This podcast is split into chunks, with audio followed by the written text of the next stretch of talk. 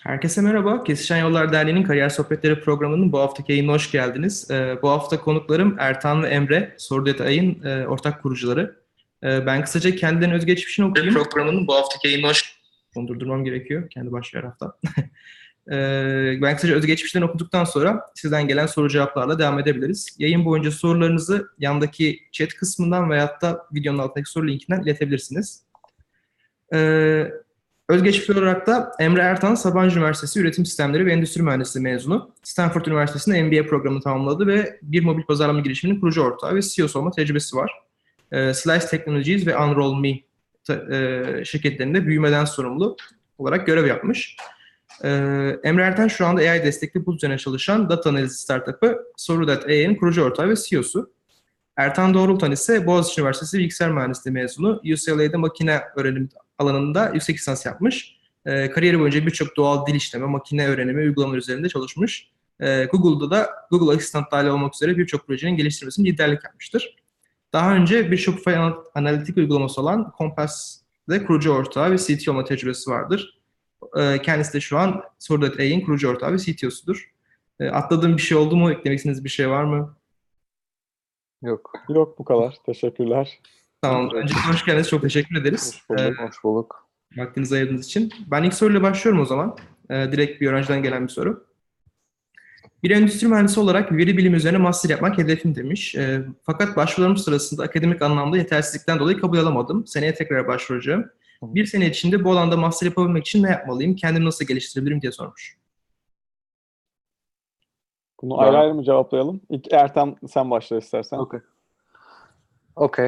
Ee, merhabalar öncelikle. Ben şimdi İngilizce ile Türkçeyi çok karıştırırsam biraz maruz görürsünüz artık. Ee, şimdi data science konusunda master yapmadan önce bence şimdi endüstri mühendisliğinden mezunsa tabii e, yani çok genel bilgi vereceğim tabii. Soru biraz jenerik olduğu için. Yani önce birazcık kodlama aşinalığı olması faydalı olacaktır. Yani Python öğrenmesi bence ilk adım olarak önemli. En azından kendi işini görebileceği kadar.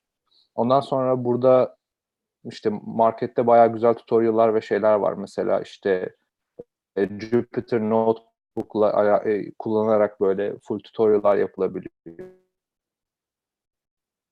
Böyle egzersizler belli egzersiz sitelerinde yarışmalara katılmak olsun ya da işte basit egzersizler olsun. Onlarla böyle biraz zaman geçirirse bence yani yeterli seviyeye ulaşılabilir. Tabii bunları kanıtlamak için de bir şey gerekiyor sonuçta. Master e, başvurularında yani sadece bu yetmiyor. O yüzden bu yarışmalara ya da bu egzersizleri birazcık e, katılımını ispatlayıp en azından yani yaptığı şeylerle bir portfolyo oluşturması da bence kendi avantajına olacaktır diye düşünüyorum. Umarım doğru cevaplamışımdır soruyu.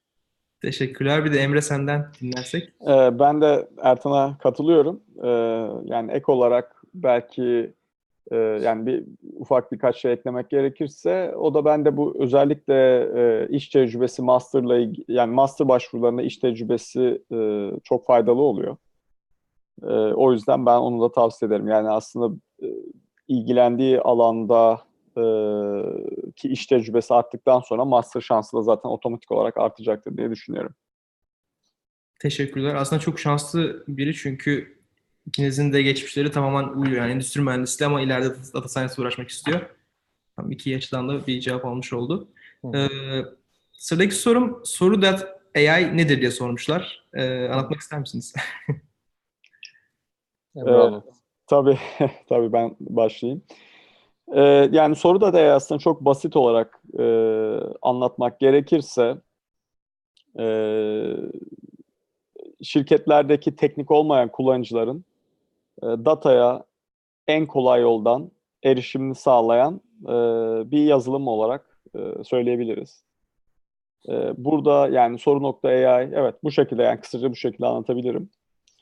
E, daha detay vermek gerekirse de e, bizim şu andaki haliyle e, birkaç farklı komponentten oluşuyor. Birincisi işte doğal dil işleme komponenti. Yani biz e, soruları doğal dil işlemeyle alıp soruların ne, ne, ne anlama geldiğini ve e, kul, soran kişinin ne istediğini ilk, ilk etapta anlıyoruz. E, buradaki doğal dil işlemenin önemi de aslında e, dataya ulaşmanın e, çok kolay bir e, dataya ulaşmak için çok kolay bir yol sağlamak. İkinci komponent de API'ler aracılığıyla kullanıcıların e, data source'larına erişimimiz oluyor. Bu şekilde e, soru geldiği zaman ilk başta o soruyu doğal dil işlemeyle anlayıp daha sonra API'den zaten aksesimiz olan dataya ulaşıp e, doğru cevabı müşterilere verdiğimiz bir e, platform. Yani çok basit olarak şöyle de söyleyebiliriz. Mesela işte Siri gibi Siri'ye nasıl sorular soruyorsunuz ve cevaplar alıyorsunuz. Bunun da aslında şirketler için e, bir Siri uygulaması gibi düşünebilirsiniz. Şirketlerin e, kendi metriklerini, e, business metriklerini öğrenebilecekleri, e, basit yoldan öğrenebilecekleri bir e, yazılım. Çok teşekkürler cevabınız için. Ee, Ertan eklemek istediğin bir şey var mı? Yok bu kadar. O zaman sıradaki soru Ertan'a gelsin. Ee, daha önceki startup tecrübelerinizde öğrenip Soru.ai'ya uyguladığınız bir şey oldu mu? Aynen. Ee, ben şöyle şeyleri uyguladım. Şimdi startup ve Google'dan tecrübelerim vardı. Natural Language Processing ile ilgili Google'da bayağı bir çalıştım. Ee, özellikle Google Assistant'ta yaptığım şeyler bayağı alakalıydı bu açıkçası bu projeye. O yüzden yani benim için startup kurmak zaten şu aşamada birazcık şu prosese dönüştü. Yani ben bu problemi anlıyor muyum? Bu problemi kendi yetkinliklerini çözebilecek kapasitede miyim? Ve hani diğer insanlardan daha hızlıca fark yaratabilir miyim? O yüzden bunları böyle bir araya getirdiğinizde siz zaten unik bir kombinasyon oluşturmuş oluyorsunuz. Yani bizim tecrübelerimizi birleştirmemiz de bize bir avantaj veriyor bu anlamda yani. Böyle bir unik bir kombinasyon oluşturabildiğimiz için. E, Google Assistant'taki tecrübe buradan geliyordu. Tabii biraz da geçmişte bir e, BI, Business Intelligence software üzerine çalışmış olmam. Yani Compass'ta Business Intelligence software'da açıkçası. Oradaki markete ve işte yani dinamiklere ha- biraz daha aşinalığım da bana biraz cesaret kazandırdı açıkçası bu işe atılmak için. Dolayısıyla böyle. Ee, tabii ufak tefek yani daha hani e, alakalı tecrübeler de var ama hani e, high level bu, bu karar verme mekanizması bu şekilde oldu. Teşekkürler. Ee, Emre, senin oldu mu? Ee, evet, özellikle benim e, hani bundan bir önceki işim olan Slice'da e, bu data analistlerine olan e, ihtiyacı daha iyi gördüm. Ve de e, şunu fark ettim. Yani teknik olmayan, şirketlerdeki teknik olmayan kişiler e, dataya ulaşmak için e, iş zekası yazılımlarını kullanmak zorunda. Ama bu iş zekası yazılımları da teknik olmayan kişiler için çok kompleks. E, ve de bu sebepten dolayı e, teknik olmayan kişilerin belli istedikleri yani karar vermek için ihtiyacı ol- olan bilgilere ulaşmak için analistlere bağımlı olduğunu gördüm bir önceki şirketimde. E, ve de bundan sonra da özellikle şirket yani bu e, şu anda şirketler e, geçmişe göre çok daha fazla e, datayla karar vermeye başladılar ve biriktirdikleri data çok daha fazla ve de bu ihtiyacın e, bu bunun aslında önemli bir problem yarattığını fark ettim ve açıkçası orada gördüğüm yani kullan son kullanıcıyla ve datayla olan ilişkilerinin orada gördüğüm yani aslında bir problemin çözümüne üstünde uğraşıyoruz. O bakımdan tabii ki e, faydası oldu. Yani bir önceki şirketteki tecrübelerinin. Teşekkürler cevaplarınız için. Ee, sıradaki soru, bir girişim kurma fikriniz ilk defa ne zaman ortaya çıktı? Yani Soru.ai'den önceki ne zaman fark ettiniz girişimci olmak istediğinizi? Ee, bunun devamı olarak da sizce girişimci olunur mu yoksa doğulur mu diye sormuşlar. Ee, Emre yine senle başlayalım. Benden mi başlayalım? Tamam. Ee, yani benim ilk girişimcilik tecrübem e, yaklaşık bundan 10 yıl önceydi. Ee, ve onun aslında ondan bir öncesinde ben zaten e, aslında şöyle anlatayım. Ee, bu- 2007 yılında ben e, Stanford'a yaz okuluna gitmiştim.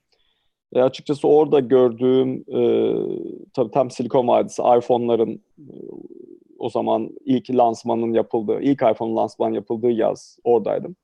Ve oradaki açıkçası e, atmosferden çok etkilenmiştim. Yani herkes yeni fikirler üstünde uğraşıyor, yeni fikirler tartışıyor. E, ve de yani bu benim çok hoşuma gitti. Yani girişimcilik aslında özünde e, yeni bir fikri, insanların istediği bir fikri e, sıfırdan yaratmak, bir takım kurmak ve de bunu hayata geçirmek. Yani bu süreç genel olarak yani sürecin kendisi benim çok hoşuma gitti. Ve e, o yaz e, özellikle bu ilhamdan sonra diyeyim ya da or- orada çok heyecanla e, bu bu girişimcileri gözlemledikten sonra Türkiye'ye döndüm ve e, zaten bir girişimci, e, be- ben de girişimci olmak istediğimi fark ettim. E, ve de işte e, birkaç ay farklı fikirler üstünde uğraştıktan sonra e, ilk şirketimizi o zaman e, 2008 yılında kurmuştuk. E, yani olunur mu, doğulur mu meselesi bence olunur.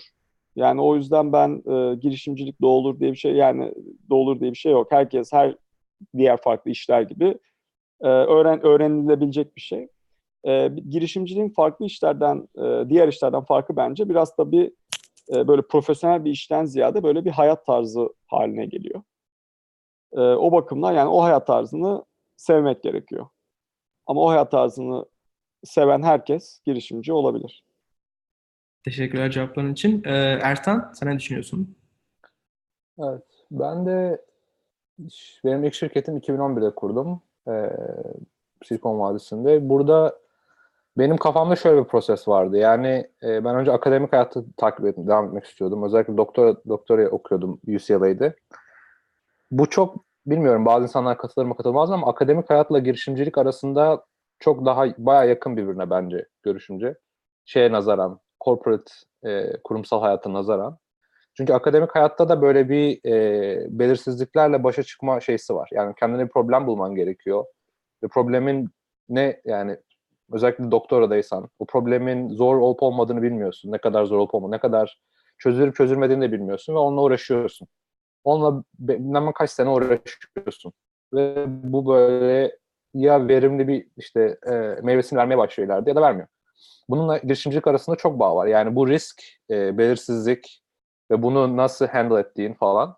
Benim doktora tecrübemde doktora koşulları benim için uygun değildi. Hani çok da verim alamadım açıkçası başlarda. O yüzden erkenden bıraktım yani. Hani çok devam etmeden. Ama kişilik yani kişiliğim ona uygundu açıkçası. En azından o e, belirsizliklere kendimi birazcık atma isteği e, vardı. Bunun faydası olduğunu düşünüyorum. Ama bunun hani bir gereksinim olduğuna inanmıyorum. Özellikle şu anda yani ikinci şirketimi kurduktan sonra biraz daha ters. Yani bence zaten e, riski hesaplayabilmek ve bunun işte dediğim gibi daha önce bahsettiğim gibi yani bizim ikimizin bu işi yapabilecek e, nasıl unik bir takım olmamızı anlayabilmek daha önceden daha önemli. Ben de yani girişimci daha sonra olunabildiğine inanıyorum ve hayat tarzı olayına da katılıyorum. Yani insanların birazcık tabii bu belirsizlikleri belirsizlikleri görünce paniklemeyip belirsizlikleri böyle biraz daha işte eğlenceli problemler, işte ya mühendislik problemleri ya business problemleri olarak görmesi gerektiğine inanıyorum. Yani bir de bir kere yaptıktan sonra bir daha yapılıyor. Dolayısıyla bir kere herkes bence girişimci olsun sonra bir daha olur diye tahmin ediyorum. Ama şöyle bir şey de söyleyeyim. Özellikle dinleyenler genç olduğu için.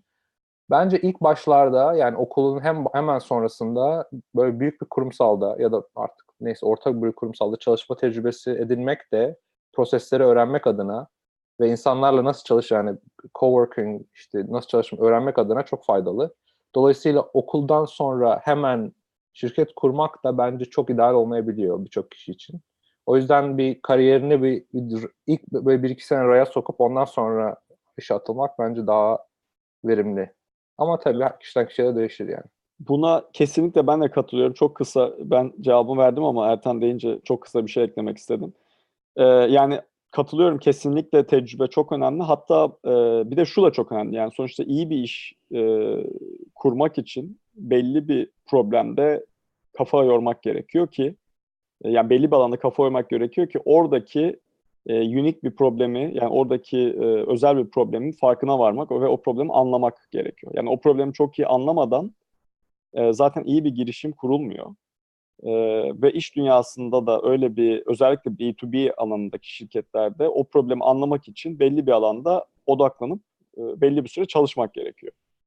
E, yani o bakımdan ben de e, okuldan çıkar çıkmaz e, tabii olabilir yani okuldan çıkar çıkmaz kurulan başarılı şirketler de var ama okuldan çıkar çıkmaz yerine belli bir alanda belli bir probleme e, işte en azından 2-3 sene kafa yorduktan sonra kurulan e, şirketlerin şansını daha yüksek görüyorum açıkçası. Evet. B2C'de bile açıkçası yani B2C bile olsa yani senin çalışma arkadaşlarına yani çalışma Doğru. dinamiğin vesaire yani iş hayatının kendi dinamiği, toplantılar nasıl manage edilir? Yani bir konuşma yani bunları böyle çok basit anlamda tecrübe edilmiş olmak yine yine de bence avantaj. Ama B2B tabii daha yüksek doğru. Ben de tamamen katılıyorum dediklerinize. Ee, ben de dediğiniz yolu izlemiştim. Ee, ilk başta küçük bir corporate'da çalıştıktan sonra şimdi startup'tayım ben de. Hı hı. Tamamen katılıyorum ben de söylediklerinize. Ee, sıradaki soru, Sordet AI'nin hem İstanbul'da hem Bay Area'da yani Silikon Vadisi'nde e, ofisleri varmış. Ee, sizce startup'ın konumlarının veya da bulundukları şehir başarılarındaki etkisi nedir? Kim cevaplasın? Emre ile başlayalım. Yine ikiniz de duymak isteriz. Ee, bulundukları şehirle etkisi e, başarı yani başa, buradaki soru yani niye iki şehirde olduğu mu yoksa e, niye Silikon Vadisi'nde olduğu mu? Nasıl nasıl İsterseniz başarı? önce şöyle başlayalım. Ee, yani Silikon, daha doğrusu şehrin startup'ın başarısındaki etkisi nedir diye başlayalım. Ondan sonra e, Silikon Vadisi'ndeki ofisle belki İstanbul'daki ofisi karşılaştırmak istersiniz. Belki ne gibi artıları eksileri var, yetenekler bulunabiliyor mu aynı derecede ya da Evet. Türkiye'deki ofisteki elemanlar. Yani Ee, yani tabii şimdi belli başlı alanlarda e, yani özellikle iyi e, yani şirketlerin başarısını arttıran belli başlı e, etmenler var. Bunlardan en önemlisi bence müşteriler. Ee, onun dışında tabii belli bir yatırım e, ve de yetenek havuzu. Yani aslında e, müşterilere ve e, yatırıma ve yetenek havuzuna bağlantılar nerede iyiyse e, bence şirket başarısı o şekilde yükseliyor. Ee, Silikon Vadisi'nde tabii e, tarihsel olarak Silikon Vadisi'nde çok fazla e, şirketin çıkmasının sebeplerinden bir tanesi de bu. Çünkü burada e, tabii her, yani yatırımcılara olan akses var. E, tabii burada birçok farklı startup ve farklı şirketler olduğu için özellikle B2B şir- şirketlerde artık startuplar birbirine satış yapmaya başlıyor. O yüzden yani müşteri ağ burada oluyor. E, onun dışında da tabii de, tabii ki bir yetenek havuzu var. Ee, yani o durum o, o bakımdan ama diyelim ki siz e, başka e, yani finans alanındaysanız işte belki Londra ve New York daha iyi olabilir ya da e, işte farklı alanlardaysanız farklı konumlar daha iyi olabilir. Ee, bizim durumumuzda bizim de yine aynı şekilde bağlantılarımız burada. Biz burada yaşadığımız için işte ilk bağlantılarımız burada, yatırımcıların olan yatırımcılarla olan bağlantılarımız burada. İşte e, ve zaten burada yaşıyoruz. Onun dışında bizim de tabii çok iyi e, İstanbul'da da çok iyi bağlantılarımız var ve biz İstanbul'da da e, çok iyi bir yetenek havuzunun olduğunu düşünüyoruz. E, o bakımdan e, bizim durumumuzda hem Silikon Vadisi'nde hem İstanbul'da ofis e, şu anda şimdilik e, çok iyi gidiyor. Bizim için bu şekilde ama normal startuplar için dediğim gibi bu her şirketin e, ürettiği ürüne göre değişebilir. E, eğer tabii yani bazı B2C şirketleri var ya da işte bazı blockchain şirketler var. Onlar tamamen e, yani yerden bağımsız bir şekilde başarıya ulaşabilirler. E, ama dediğim gibi bu şirketin yapısına göre değişen bir şey. Teşekkürler. Ertan bu soruyu şöyle modifiye edeyim istersen senin için de. Ee, daha çok teknik kısmına alakalı olduğu için. Ee, Türkiye'de yapılan mühendislik işlerinin veya da projelerinin e, kalitesiyle buradakinin kalitesi denk oluyor mu veyahut da e, bir sorun çıkıyor mu? Ee, şöyle söyleyeyim.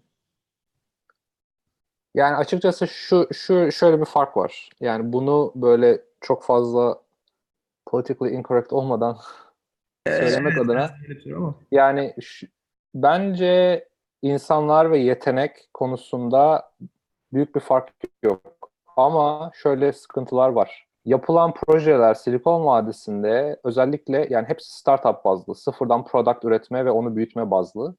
Türkiye'de çalışma e, şeyleri biraz daha yani öz, genellemiyorum. Sadece belli örneklerden bahsediyorum. E, consulting tarzında ya da işte dev shop'lar çok fazla. Hani böyle bir product'a commit edip onu end to end e, yaratmak yerine hani böyle size bir development yapalım süre boyunca sonra birine bir development yapalım tarzında.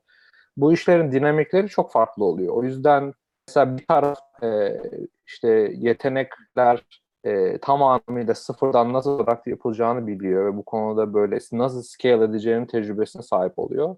Diğer tarafta işin derinlemesine çok aşırı inmeden hani böyle seri halde aynı projenin farklı versiyonlarını yapıyorlar. Tabii bu da uzun vadede özellikle bir uzun süre harcandıktan sonra projelere birazcık tabii yeteneklerin hep tekrarlanmasını sağ- tekrarlanmasına yol açıyor. İstanbul ya da Türkiye'den bahsediyorum.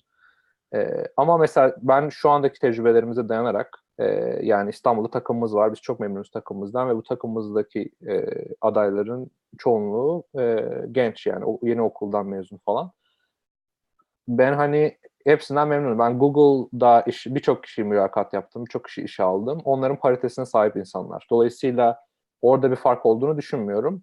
Ama işte iş ya iş hayatında bir süre ne yaparsanız ona göre tecrübeniz de ona göre evolve oluyor. Ona göre işte değişiyor.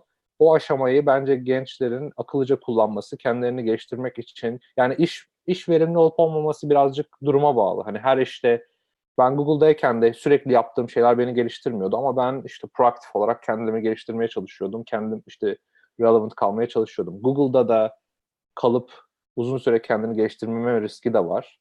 Dolayısıyla yani demek istediğim bu biraz sana kalmış bir şey. Yani yeteneğin kendisine kalmış bir şey.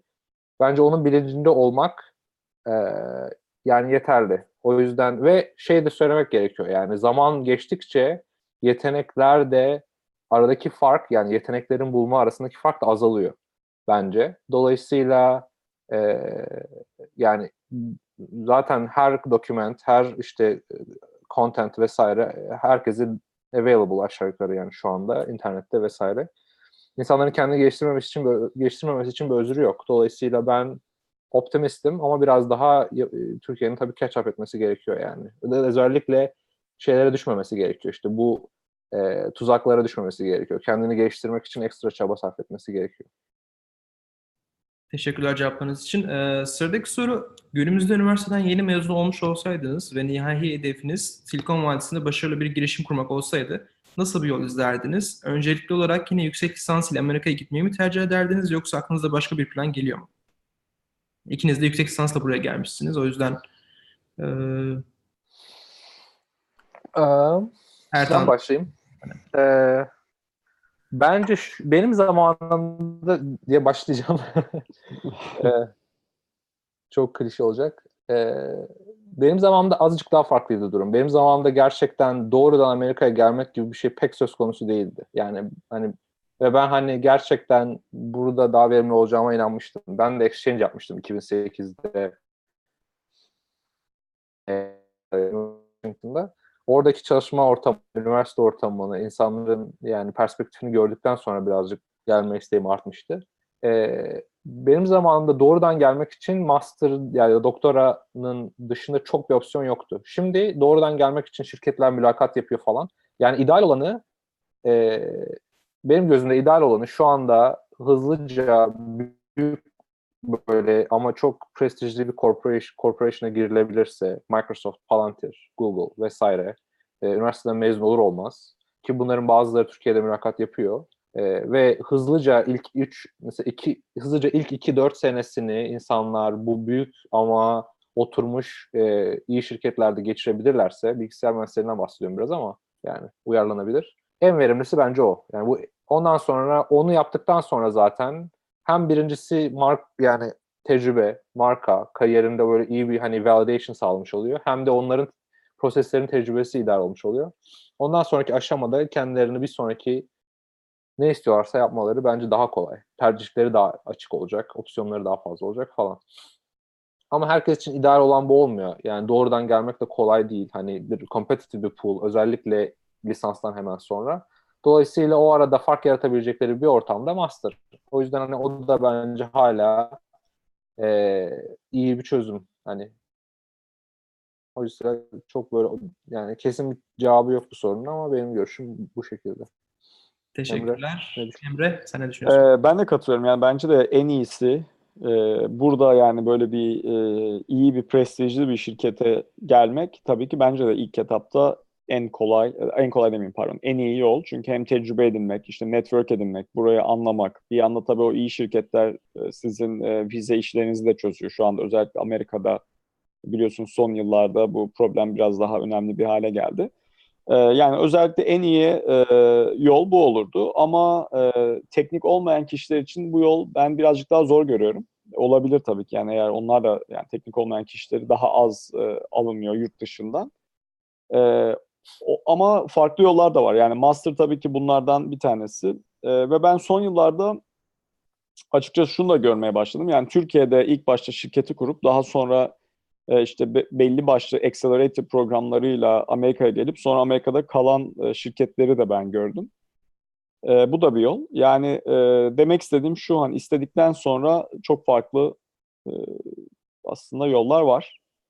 E, o yüzden yani tam tam olarak hedefi bence burada iyi belirlemek gerekiyor. Yani hedef tam olarak nedir? Yani hedef e, başarılı bir şirket kurmak mı ve başarılı bir şirketi burada kurmak mı? Eğer öyleyse e, bence birçok farklı e, yol var buraya giden.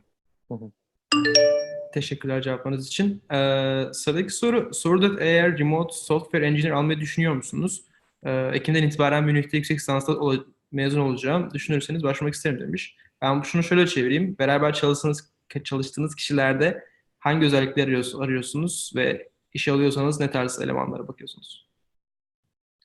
Ee, ben bence atlayayım. Emre kapatabilir onu. Ee, yani ş- bir kere ilk aradığımız şey zaten iyi mühendis yani iyi bir mühendis olması. Daha doğrusu şöyle başlayayım ya. Yani ilk ilk aradığımız şey düzgün bir kişiliğe sahip olması diye Evet. başlayayım. Yani çünkü bir, hani hakikaten bir insanın öğrenme isteği varsa e, işte işe e, yaklaşımı iyiyse, probleme yaklaşımı iyiyse ve hani hakikaten istekliyse bunun birçok barajı aşabileceğini düşünüyorum yani. Özellikle ilk mezunlar için yani ilk mezunlar hakikaten e, böyle yoğrulmaya müsait ve hani bizim de bu için bu işte tecrübemiz var ve hani doğru yön göstererek ne, nere üzerine odaklanmasını şey yaparak hani bayağı verim aldığımızı düşünüyorum bu şekilde. Dolayısıyla ilk başta hakikaten e, soft skill'ler önemli engineering'de bence. E, ama tabii işin teknik kısımları da yani teknik anlamda kapasitesini ölçüyoruz ve ona göre iş alıyoruz ve bence bunlar da önemli. E, remote henüz denemedik ama ben bu işe kapalı değilim. Yani genel olarak hani remote olmasın diye düşünmüyorum. Öte yandan bizim şirketin büyüklüğü itibariyle mesela fazla büyük olmadığımız için şirket kültürünü de muhafaza edecek. Daha doğrusu şirket kültürünün doğru e, ilerlemesini sağlayacak bir yapı oluşturmamız gerekiyor. E, dolayısıyla bu sorunun henüz böyle kesin bir cevabı yok. Ama hani bence bunu göz önüne alarak biz kararlar vereceğiz. İşte e, tabii birçok faktöre de bağlı. Bu insanın işte remote çalışma tecrübesi var mı daha önceden ya da ne, ne tür şeyler yapmış. E, hani ya da mesela belki başka dünyanın başka bir yerinde ofis açarsak bizim için faydalı olur mu? Bizim şu anda girmek istediğimiz marketler için relevant bir şehir mi falan gibi şeyler faktörler olacaktır. Ee, ama soruyu yani hakikaten yani bence başvursun kısaca yani herhangi bir yerden herhangi birisi ve biz onu değerlendirelim. Genel olarak bu. Ee, ve ben birçok insanla biz birçok insanla da konuştuk yani hani elimizden geldiğince e, açık olmaya çalışıyoruz. Çünkü yani yeteneğin ve e, yani doğru çalış bizim için doğru takımın herhangi bir yerde olabileceğine inanıyorum yani. Emre eklemek istediğin bir şey var mı? Evet. Ee, yani eklemek istediğim e, şöyle yani şöyle bir şey var aslında dediğim gibi aynen yani biz iyi her şeyden öte iyi takım arkadaşları arıyoruz. Yani iyi bir kişilik, iyi bir takım arkadaşları. Gerçekten e, bu işi isteyen, emek veren, emek verecek kişiler arıyoruz. Ee, özellikle yeni, e, şimdi Ertan biraz daha teknik kişilerden bahsetti. Ben özellikle biraz da teknik olmayan kişilerden e, bahsettim. Yani özellikle özellikle bir startupta teknik olmayan bir kişi yani e, tam olarak işte engineer olmayan bir kişinin bence işe e, başvurması için ilk başta birazcık daha e, kendine daha fazla görev düşüyor. Yani hani ben gerçekten bize e, hani iyi bir takım arkadaşlarının yanında işte nasıl e, katkıda bulunacağını göstermesi gerekiyor ve aslında bizde de böyle bir örnek yaşadı şu anda Amerika'da çalıştığımız e, yani part time olarak çalıştığımız bir arkadaşımız ilk başta bize yardımcı oluyordu. E, daha sonra işte bize farklı alanlar gösterdi, farklı fikirler verdi. Daha sonra bu bizim o kadar çok işimize yaradı ki şu anda işte onunla beraber böyle bir part time bir şekilde çalışmaya başladık. Yani demek istediğim startuplarda özellikle bir teknoloji startupında eğer teknik değilseniz oraya girmeniz için biraz daha fazla iş yapıp e, gerçekten startup'a katkınızı net bir şekilde göstermeniz gerekiyor. E, ki zaten eğer çok da istiyorsanız bunu yapmaktan da gocunmamanız gerekiyor. Onu yaptıktan sonra da zaten e, bize kapımız her zaman açık. Ben aslında şöyle şeyler de gördüm bu konuda. Bu hatta benim çok hoşuma gidiyor. Yani açık pozisyonumuz olmayabilir ama Aynen. siz hakikaten takımı ya daha doğrusu şirketi okumuşsunuz, anlamışsınız. Takımı okumuş, anlamışsınız. Ve bize ulaşırsınız dersiniz ki tamamen bu arada make-up yani tam hikaye bu ama ulaşırsınız dersiniz ki sizde sizin şöyle şöyle şöyle problemleriniz olabilir ve ben size böyle böyle yardımcı olabilirim. Ee, ve hani kendi biraz gönüllü olarak biraz çalışıp hani bu kendini ispatlayıp çok basit şekilde yani sadece ben bunu yapabilirim değil de hani e, benim işte geçmişteki şu tecrübelerimden dolayı size şöyle yardımcı olabilirim ve sizin işte atıyorum e, growth pozisyonunuza ihtiyacınız var ve benim bu alanda tecrübem var e, ve şöyle şöyle promote edebilirim sizin şeyinizi falan tamamen attım yani. Hani bu şekilde mesela yaklaşıp böyle biraz daha artık insanlar böyle yaklaşıyorlar. Sizin pozisyonunuz kendine pozisyon açıyor demek istiyorum. Yani e, startup'a ulaşıp e, işte atıyorum consumer startup'ıdır ve tam o growth aşamasındadır ve adam tam olarak o pozisyon için kendine bir pozisyon yaratır mesela. Ya da e, yani bunlar bence özellikle non-technical için fark yaratacak şeyler. Aynen. Hatta ben de bir örnek de hatta daha detaylı örnek vereyim bizden. Yani bizim işte bize e, ulaşan bir arkadaşımız özellikle sigorta sektöründe bizim ürünümüzün çok daha e, iyi bir şekilde gidebileceğinden bahsetti. Daha sonra onunla beraber çalıştık ve şu anda aslında Amerika'da e, sigorta şirketlerini hedeflemeye başladık. Bizim ilk e, dikeyimiz e-ticaret ve retail'dı. Onunla beraber sigorta şirketlerini de hedeflemeye başladık. E, mesela dediğim gibi şu anda o kendine aslında bir pozisyon yaratmış oldu. Yani o bakımdan böyle örnekler oluyor ve bence de e, zaten startuplarda hani herkesin işi başından aşkın olduğu için zaten hiring'e çok fazla maalesef zaman ayıramıyoruz. Yani işe almaya zaten zaman ayıramıyoruz. O yüzden yani gerçekten iş yani bizle çalışmak isteyen arkadaşların biraz e, ilk baştaki işlemi biraz kendileri yapması gerekiyor açıkçası. Hiring'e zaman ayıramıyoruzdan ziyade şey oluyor. Bu pozisyonu düşünemiyoruz. Yani Evet, hani aynen. biz, mesela bir- biz pozisyon düşünüp bulsak belki hire edecek zaman ayırırız tabii ki yani hani Evet. Hani onu prosesine yaparız ama bu, hani pozisyonu oluşturmak daha büyük bir problem. Anladım. Hiç bölmek istemedim çünkü birkaç soruyu böyle aranızda paslaşarak cevaplamış oldunuz. Evet. o yüzden onları geçiyorum ben. Ee, şey sormak istedim. Daha doğrusu biri sormuş. Bilgisayar programcılığı, işte yazılım mühendisliği Amerika'da yurt dışında ne kadar popüler diye sormuşlar da. Ee, bu Silikon Vadisi örnek verirsek bu yazılımcıya ne kadar talep olduğunu biraz anlatmak ister misiniz? Ya benim bildiğim kadarıyla inanılmaz. Yani Evet. Evet. e, yeni mezunlar 100 bin dolar gibi bir sadece kabul etme bonuslarıyla işe başlıyorlar. Hı hı. Ee, Ben bu soruyu şöyle cevaplayacağım ve bunu ben biraz daha long term cevaplayacağım. Çok böyle yani evet inanılmaz bir demand var. Ve ama şu da bir makro trend ve bence insanların şunu artık eee, düşünmesi lazım. Yani bir, bir yer bir yerden sonra yani herkes kodlamaya başlayacak. Herkes Python bilecek. Yani belki bir 10 sene ya bu bir ex- Excel skill nasılsa hani artık yazmıyorsunuz LinkedIn'e. Python skillinin de o değerinin azalması ve o şeye converge etmesi gerçek. Yani internette tutorial'lar artıyor, content artıyor, ee, yani her şeye ulaşım artıyor. Artık bunu yapmamak için bir özür kalmamaya başlayacak. Yani bu sadece programlama, e, şimdi software engineering biraz daha kapsamlı bir iş ama programlamadan bahsediyorum. Yani programlama yeteneğinin artık işe entegre olması, yani belki bizim jenerasyondan bir sonraki jenerasyonda falan filan iyice şey olacak. Şimdi bizim de iş, iş hayatına relevant kalabilmiyor, kalabiliyor olmamız gerekiyor. O yüzden birkaç faktör var. Yani birincisi zaten internette available olan ama ve önemli olan yetenekleri kendinizi geliştirmeye artık bu, bu, bu, bu, bu kesin yani. Bunu yapıyor olmanız gerekiyor. Buna ek olarak bir de internette olmayan ya da böyle çok ulaşıma erişi, erişimi kolay olmayan böyle belli spesifik yetkinliklere de sahip olmanız gerekecek. İşte yani da bir problem üzerine iyice kafa yormuş olmakla edinilebilir bir şey. Yani onun da onun değeri daha fazla olacak. Dolayısıyla şu anda çok fazla ihtiyaç var. Çok fazla programlama gerekiyor. Çok fazla şey gerekiyor ama o, onlar için bir fark yaratabilmeniz için hakikaten belli şeylerin belli bir belli bir unik kombinasyon oluşturmanız gerekecek kendine kendinize. Onun için uğraşın. Yani hani ben işte kodlama biliyorum rahatlığından ziyade ben kendimi nasıl fark yaratabilirim, nasıl değiştirebilirim, nasıl yani şey yapabilirim. Çünkü bu 20 yıl sonra bence bunun değeri çok daha az olacak. Dolayısıyla bizim bu iş üzerinden e, emekli olmayı planlamamız gibi bir şey söz konusu değil yani. O yüzden bizim kendimizi sürekli e, yani böyle hem zor problemler çözerek hem kendimizi böyle e, ilginç yani ilginç kendimizi challenge ederek e, devam etmemiz gerekiyor.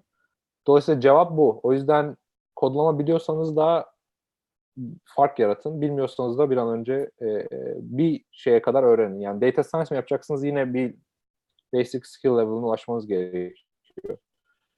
E, yani analiz, data analysis, ana- analyst mi olacaksınız? Yine aynı şekilde yani belli bir skill level'ına ulaşmanız şart. E, yani özellikle önümüzdeki 5 sene, önümüzdeki 10 sene içinde bunlar böyle basic skill'ler olacak yani. Teşekkürler. Ee, eklemek bir şey var mı Emre yoksa Yani çok kısa şunu ekleyebilirim. Hani bence de şu anda hem hem e, yani yazılımcılar için hem yazılımcı olmayanlar için yani bence buradaki önemli meselelerden bir tanesi böyle bir konuyu yani sevdiğiniz bir konuya odaklanmak ve o konuda tecrübe ve bilgi edinmek. E, Yani bence bu çok önemli. Çünkü zaten öyle bir belli başlı bir belli başlı bir alanda e, gerçekten derinlemesine çünkü ben bunu yani Türkiye'de bunu görmüştüm. Türkiye'de biraz daha çok fazla derinlemesine gidilmiyordu en azından ben oradayken. Ee, ama e, bence özellikle buradaki fark yaratmak yani gerçekten bir alanda derinlemesine gitmek. Yani derinlemesine gitmek derken o alanda bilgi edinmek, o alanda network edinmek, o alanda tecrübe edinmek. Ee, ve bunu yaptıktan sonra da zaten fırsatlar açıkçası e, yani belli bir alanda derinleştikten sonra zaten fırsatlar bence size kendisinden gelecektir. Ama belli bir alanda derinleşmediğiniz zaman insanlar sizi e, hangi bucket'a koyacağını bilmiyor ve o yüzden de fırsatları kaçabiliyor. Teşekkürler. Ee, bir, ön- bir sonraki sorudan önce bir şey söylemek istiyorum. Bazı sorular tekrar tekrar soruluyor. O arkadaşlar videonun baş kısmını seyrederlerse cevaplarını alabilirler. Mesela e, şu soru. Yeni mezun bir yazılım mühendisi mezun olur olmaz Avrupa'ya gitmesi için ne yapması lazım? E, mezun olur olmaz yurt dışında iş bulmak ne kadar mümkün? Bunun cevabı büyük bir şirkete girip çalışıp buraya transfer olmak veyahut da yüksek lisansa girip ondan sonra devam etmek olabilir demiştiniz. E, ileteyim ben. Ama videonun baş kısmında daha detaylı şekilde cevaplandırılması var. Hı hı. Ee, sıradaki soru Ertan Doğrultu'na sormak istiyorum demiş. Ee, bildiğim kadarıyla Amerika'ya doktora eğitimi için gitmişsiniz ee, ve yüksek lisans diplomasıyla ayrılmışsınız. Hı hı. Daha sonrasında sanırım Compass isimli bir girişiminiz var. Yüksek lisanstan ayrıldıktan hemen sonra bir girişim kurmak bugün ne kadar mümkün? Vizeyi koruyabilmek için bir işveren gerekmiyor mu? Vize durum açısından sorun yaşamış mıydınız? Bunu tamamen vize anlamında cevaplayacak olursak yani çok spesifik cevaplayayım sonra biraz daha genel konuşurum. OPT üzerindeyken e, self-employed olabiliyorsunuz Amerika'da. Bu da e, şeyden sonra e, OPT süresi aşağı yukarı 30 ay. Yani atıyorum tam emin değilim 30 ay gibi bir şey. E, ben zaten bundan sonra H1B alabilecek kapasitedeydim e, kendi şirketimde. E, yani geçmemin nedeni ayrı nedenler. Hani vizeyle alakalı bir sorun yaşamadım. E, ve legal olarak da bir, bir gray area'da değildim yani bu gayet hani valid bir şey bakılabilir. Ee, ama bu hani bence işin bu kısmı zaten bir şekilde figure out ediliyor. Yani hani bence işin asıl sorunu yüksek lisanstan hemen sonra şirket kurmalı mı kurmamalı mı? Bunun mesela cevabını zaten verdim yani. Hani hakikaten mesela atıyorum PhD'de çok spesifik bir problem çözmüşsünüzdür ve bu sizden başka birisi bilmiyordur ve bunu productionize ed- edecek tek insan sizmişsinizdir. Belki o zaman mantıklı olabilir. Ama e, büyük şirketlerde ya da böyle bir şirkette çalışma tecrübesi olmadan ve e, daha önce bir şeyi yani sıfırdan launch etmi- etmiş olmadan sıfırdan yüksek şirket kurmak bence insanın kariyer için çok faydalı değil. Çünkü öğrenmekten ziyade execution yapmak gerekiyor startup esnasında. Ve ikisini aynı anda yürütemiyorsunuz ve sizin daha öğrenecek şeyiniz oluyor yol üzerinde. Dolayısıyla efektif olmuyor pek. E, hata çok yapıyorsunuz vesaire vesaire. Um, dolayısıyla böyle bir dezavantajı var. Teşekkürler. Emre peki senin vize durumu nasıldı? Nasıl Amerika'da kalabildin? Ee, vize durumum yani aslında benim, benim için yani zaten master'a gittiğim zaman öğrenci vizesim var, vizem vardı. Daha sonra ben şirkete e, çalışmaya girdim. E, yani şimdi bir şirkette çalışıyordum işte Slice şirketinde ve orada ilk başta H1B ve daha sonra Green Card aldım.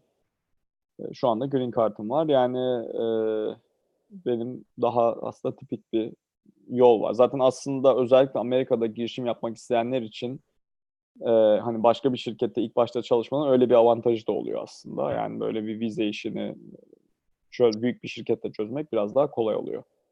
Ama şu anda O1 opsiyonları var. Onun Evet. şimdi alması daha kolay, daha zor bilmiyorum. Yani o da değişiyor sürekli. Yani öyle bir durumda da Emre'nin daha önce dediği gibi Türkiye'de şirket kurup buraya gelme olasılığı daha iyi olabilir bir de Evet. yani belki bilmiyorum.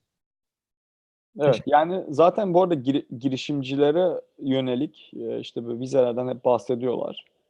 E, yani girişim özelinde bence hani bir şekilde hallediliyor. Hani benim birçok girişimci arkadaşım var burada. E, hani farklı yollardan bir şekilde hepsi aslında halletti. Yani girişimci olup e, tekrar ülkesine dönen ben görmedim. Hani normal başka bir işte çalışıp tekrar ülkesine dönmek zorunda kalanlar gördüm. Ama girişimci olarak tekrar ülkesine dönmek zorunda kalan görmedim. Yani farklı opsiyonlar aslında e, bir şekilde çözülebiliyor. Teşekkürler. Ee, şey diye sormuşlar. Ee, mesela siz Sabancı veyahut da siz de Boğaziçi'nde okumuşsunuz. Sabancı'da okumasaydınız nerede okurdunuz? Siz de Boğaziçi'nde okumasaydınız nerede okurdunuz? E, kim başlasın? Ee, siz Ben başlayın. mi başlayayım? Sen Sabancı- Boğaziçi diyeceksin, ben Sabancı Evet. diyeceğim. Aynen bana öyle geliyor evet. Ee, Evet yani aslında ben e, Boğaziçi'nin zaten yani birkaç okulu istiyordum. Boğaziçi de bunlardan bir tanesiydi. Benim liseden de çok arkadaşım Boğaziçi'ne gitmişti. Ee, çok arada kaldım açıkçası. Ee, işte Boğaziçi'ne mi gitsem, Sabancı'ya mı gitsem diye. Ee, ve de en nihayetinde işte Sabancı tercih ettim ama açıkçası Sabancı'ya gitmesem evet Boğaziçi'ne giderdim. Ertan. Ben kardeşimi Sabancı'ya yolladım o yüzden zaten. Yani dolay- yani ben Boğaziçi'ne gittim. Kardeşimi de Sabancı'ya yolladım. Dolayısıyla istediğimi yapmış oldum. Evet. Yani evet biraz öyle bir durum var. Ama bence yani bunu ben hani İzmir Fen'den yine bazı çocuklara da hani mentorluk yapmaya çalışıyorum ve benzer şeyler söylüyorum. Koç, Bilkent, Sabancı, Boğaziçi, ODTÜ hani büyükler hepsi aşağı yukarı aynı. O yüzden çok da kafa yormayın yani. Üç aşağı beş yukarı. Yani bu bu süreç içindeki gelişiminiz tamamen size bağlı. Ve bazı üniversiteler diğerlerinden daha çok yardım ediyor özellikle yani gelişim konusunda ama zaten onlara bağlı olarak düşünmekten ziyade siz kendinizin bilincinde olmanız gerekiyor ve yani biraz daha e, kendinizin çaba sarf etmesi gerekiyor. Dolayısıyla başkaları sizin için zaten e, işte yurt dışına staj ayarlamayacaktır ya da işte ne bileyim yani bu bu opportunity'leri size açmayacaktır. Sizin kendiniz açmanız gerekiyor. Dolayısıyla okul da çok daha önemli değil aşağı yani nihayetinde. E, ama yani bu okulların herhangi birine gitmiş olsam e, fa- şey olurdu. Ama MIT'ye gitsem daha iyi olurdu tabii. Ben bu ben burada ufak bir şey eklemek istiyorum. Tabii. Ertan dedi çok doğru. Yani özellikle e, bence üniversiteden ziyade üniversitede ne yaptığınız çok önemli. E, orada gerçekten kendinizi geliştiriyor musunuz? Öğreniyor musunuz? Çünkü ben bazı hatta bazı kendi arkadaşlarımda bile bazen şunu görüyorum. Yani işte çok iyi dereceler yapıp işte bu saydığımız okullara giriyorlar. Ama daha sonra hani öyle bir zaten bir rehavet çöküyor. Yani sanki her şey bitmiş gibi. Çünkü bizim maalesef ülkemizde bir işte ÖSS işte şimdi adı da değişti artık adını da bilmiyorum. O kadar çok değişti ki adını bilmiyorum ama ÖSS diyelim bizim zamanımızda öyleydi. Yani üniversite giriş sınavında e, her şey ona endeksli oluyor ve o bittikten sonra sanki hayat bitmiş gibi oluyor. Yani ben artık yapacağımı yaptım işte Boğaziçi'ne girdim dereceyle ve bitti. Öyle değil aslında. Aslında daha yeni başlıyor. Yani oraya girdikten sonra işler yeni başlıyor ve e, o yüzden yani nereye girerseniz girin rehavete düşmemek gerekiyor. Bence birincisi bu. Ve ben bunu birçok kişide gördüm. Kendi arkadaşlarımda da gördüm. Birçok kişide gördüm. İkincisi e, eğer zaten Amerika'ya girecekseniz Türkiye'deki herhangi yani Türkiye'deki üniversiteleri zaten bilmiyorlar. Yani o yüzden Türkiye'de zaten nereye gitmenizin hiçbir önemi artık kalmıyor. Yani onlar için Türkiye'den bir üniversiteden mezun bu e, öğrenci diye bakıyorlar. O bakımdan e, yani hangi üniversiteye girdiğinizden çok neler yaptınız? Yani gerçekten kendi alanınızda ne, ne gibi kendinizi geliştirdiniz? Hangi projeler yaptınız? İşte okul dışında sosyal faaliyetleriniz nelerdi? Bunlar artık önemli oluyor. Özellikle Amerika'ya gelmek isteyenler için. E, o bakımdan yani hangi üniversiteye girmek tabii evet iyi ama e, o üniversitede neler yapmak bence neler yaptığınız çok daha önemli. Teşekkürler cevaplar için. Ee, biri şey diye sormuş. Veri bilimi alan- alanında tavsiyeleriniz neler olur diye sormuş ama biz bunu biraz daha toplarsak Hı hı. e, geleceği nasıl e, ve kendilerini bu alanda nasıl geliştirebilirler diye sorabiliriz tekrardan. Ben tekrardan bir hemen aynı şeyleri söyleyeyim hızlıca. Python öğrenmek gerekiyor. Ee, egzersizler yapıp işte competition'lara katılmak ya da en azından o competition'ların eski problemlerini çözmek gerekiyor. Kaggle'da falan. Ondan sonra işte Jupyter Notebook yine Python'la beraber yani onun çalışma mekanizmalarını öğrenmek gerekiyor. Yani data data science ben bu arada Compass'ta görevim CTO'luk ve data scientist'di açıkçası. Oradaki çalışma prosesi gerçekten yani işin matematiği var, işin teknik kısımları var ama gerçekten gerçek dünya problemleriyle ne kadar aşina olduğunuz ve gerçek dünya problemlerini ne kadar onlarla egzersiz yaptığınızla alakalı. Ee, yeterince resource var bence şu anda o konularda kendini geliştirmek için adını duyurmak için. Onlarla egzersiz yapmak bence yani yani real world problems mesela bir programlama yapıyorsanız tutorial'lar var ama böyle ha diyorsunuz ki ya Tetris yazayım falan. Yani Tetris yazıyorsunuz. Ondan sonra hani tutup da böyle bir complex architecture yapayım kendi kendime gibi bir şey olmuyor. Dolayısıyla evde software engineering öğrenmek o kadar kolay değil. Ama evde böyle gerçek dünya data science problemleriyle böyle uğraşmak şu anda bence mümkün yani. Ee, hani o yüzden o resource'ları kullanın diye tavsiye ediyorum. Ee, bu sorunun çok benzer olarak şey var. Machine learning ve deep learning alanında e, tavsiyeniz ne olur? Aynı mı yoksa farklı mı? E, aynı benzer sadece resource'lar biraz farklı. Yani oradaki resource'lar da işte şu anda Google'ın tutorial'larına girin. Adamlar bütün yani ellerinde bizim internal yaptıkları işte e, workshop'ları dışarıya açtılar şu anda.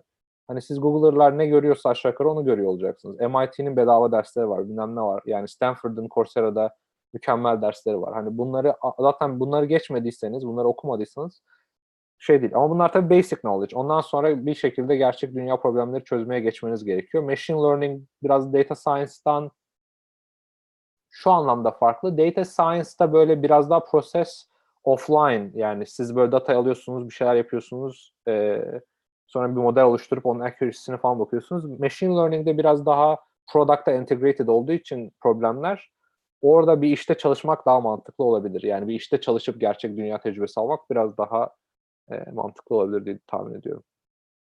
Teşekkürler. Ee, sıradaki soru Emre'ye gelmiş. Ee, ne kadar alakalı bilmiyorum ama bugün teknolojinin merkezi Silikon Vadisi. Bu otomotiv sektörü içinde geçerli mi? Ee, ne zaman otomotiv, otomotiv sektörün merkezi Silikon Vadisi olacak ve ilerideki e, otomotiv devleri hala dev olarak kalacak mı diye sormuş. Yani şöyle söyleyebilirim.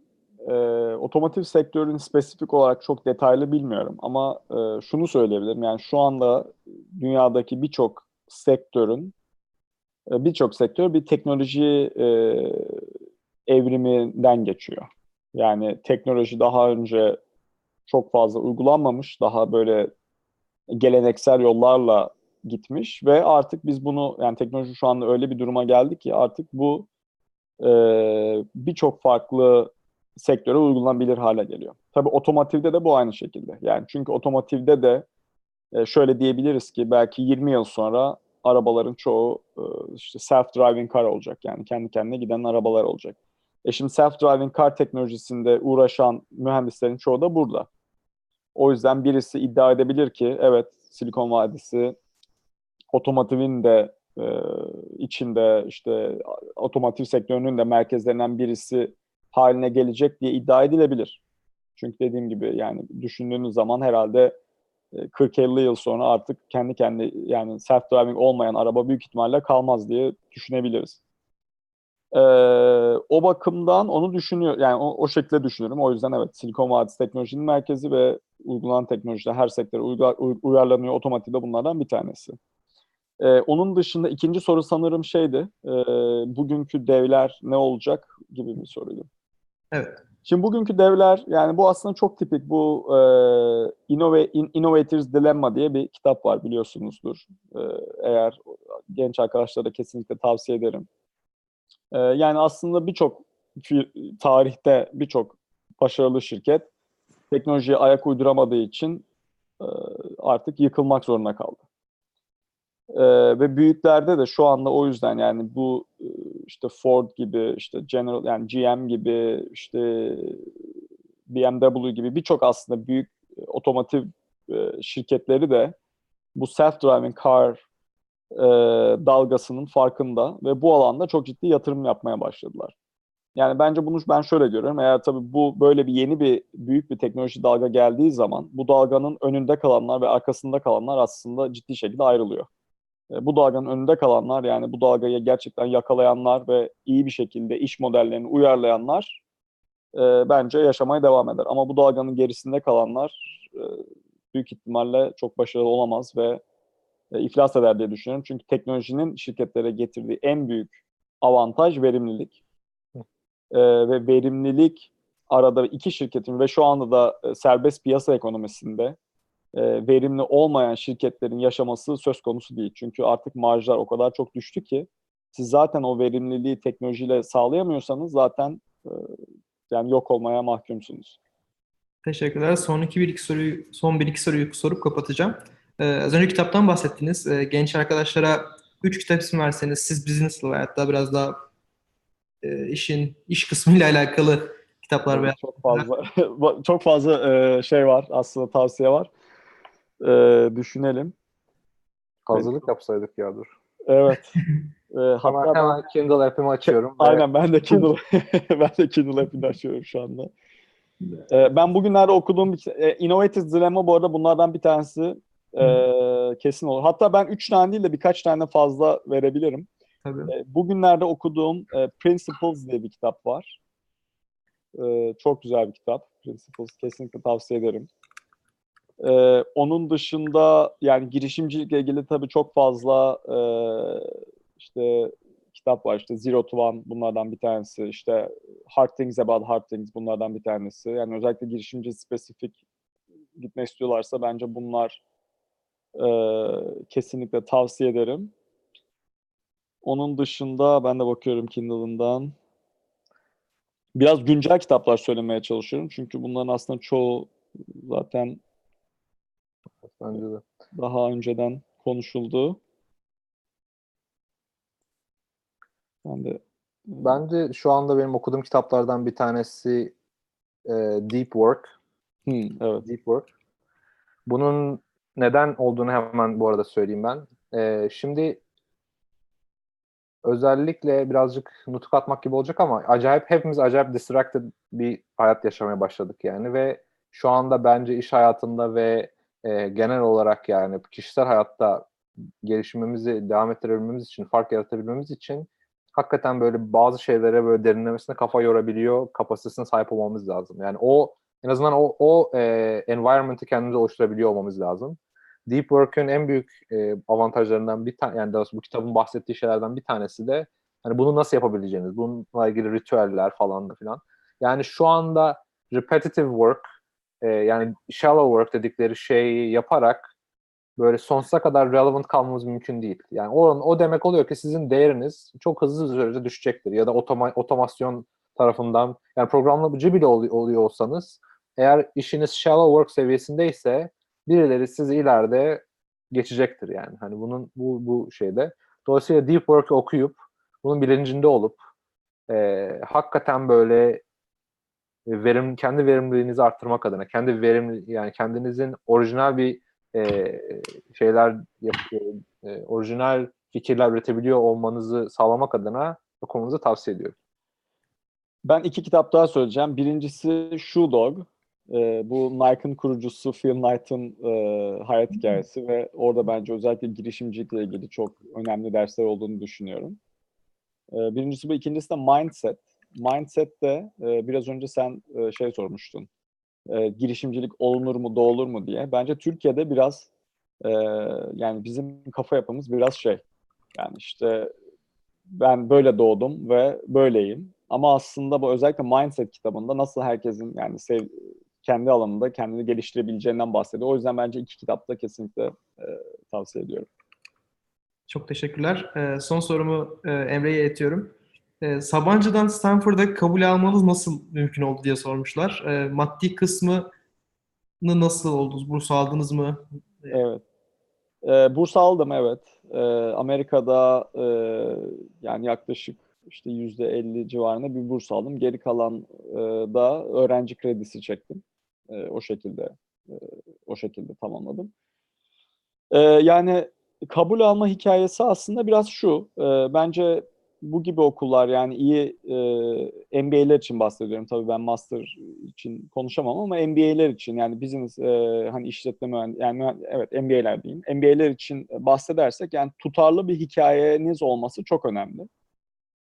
E, yani ben her zaman teknolojiyle ilgiliydim ve teknoloji alanında e, girişimci olmak istiyordum ve e, benim hikayem de daha önceden de yaptığım şeyler Sabancı'da e, işte zaten ilk şirketi kurduğum zaman ben Sabancı öğrenciydim. E, bu hikayeyle tutarlı olduğu için e, bence bu e, benim için çok olumlu bir faktör oldu kabul almamda. E, onun dışında e, okulda yaptığım işte bir takım öğrenci etkinlikleri, işte CEO'larla çay sohbetleri diye bir etkinliği ben kurucusuyum aynı zamanda.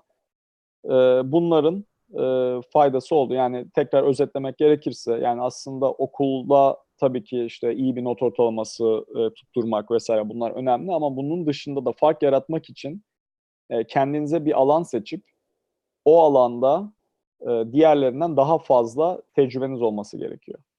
Ve bu alan her şey olabilir. Yani bu alan teknoloji girişimciliği olabilir, bu alan e, çevreyle ilgili bir alan ol- olabilir, e, işte non-profit ile ilgili bir alan olabilir. Yani herhangi bir alan olabilir ama önemli olan ya da eğitimle ilgili bir alan eğitimle ilgili bir alan olabilir. Önemli olan en başında bir alan seçip e, ders dışında o alanda e, etkinliklere imza atmak, etkinliklere liderlik etmek e, ve e, fark yaratmak.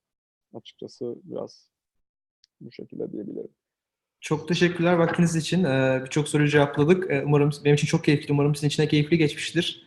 Ee, Son söylemek istediğiniz bir söz var mı? Veyahut da gençler için tavsiyeniz nelerdir? Ee, Genel bir toplarsanız Ertan'la başlayalım. Sonra Emre'yle bitiririz isterseniz. Bu arada ben duyamadım. Bir, kesildi bir, bir iki saniye. Soruyu kaçırdım. Tekrarlayayım. Çok teşekkürler vaktiniz için. Benim için çok keyifliydi. Sizin için umarım keyifli olmuştur. Ben de teşekkür Son kapatırken sizin son sözlerinizi alıp gençler için bir tavsiyenizi alırsak yayını kapatırız. Okey. Eee, gençler için tavsiye şudur. Eee, kimsenin tavsiyesini dinlemeyin. Kendi kararınızı kendiniz verin. Eee, yani şu anda bir sürü content var işte yani inspirational ko- konuşma var vesaire ama yani en nihayetinde siz kendi hayatınızı yaşıyorsunuz. Dolayısıyla ona göre yaşayın. Kimsenin size verebileceği bir şey yok. Yani eee, işte magic wand yok yani değiş hayatınızı değiştirebilecek. Tamamen kendinizin sorumluluğu. Dolayısıyla kararlarınızı da kendiniz verin. Ee, bu kadar. Yani meta nasihat vermiş oldum böylece. Teşekkürler. Emre seni de dinlersek. Yani be- benim için de e, dediğim gibi hani başarı aslında e, yani belli bir alanda çalışmak ve o alandaki azimle oluyor. Onu da yapmak için insanların e, yaptığı işleri sevmesi gerekiyor. Yani o yüzden benim de tavsiyem şu olur. E, yani herkes en doğru nedirden ziyade en çok ben neyi seviyorum, neleri severim, neleri yapmaktan hoşlanıyorum. Bunu aslında kararına, bunun farkındalığına önceden varırsa o alanda işler yapmaya başlıyor ve hem bu e, sizi daha mutlu bir insan haline getiriyor hem de e, kendinizi daha iyi tanımanızı sağlıyor. Aynı zamanda da fark yaratmanızı da sağlıyor. O yüzden e, çok kısaca sevdiğiniz işleri yapın ve neleri sevdiğinizin farkındalığına erkenden varın derim ben de. Çok teşekkürler vaktiniz için. Ee, yayını izleyen arkadaşlar bir sonraki yayınlardan haberdar olmak için Facebook ve YouTube kanalımızı takip edebilirler. Biz her hafta yapmaya çalışıyoruz. Ee, Türkiye'deki iyi akşamlar. Size iyi günler. Kendinize iyi bakın. Teşekkürler. Görüşmek üzere.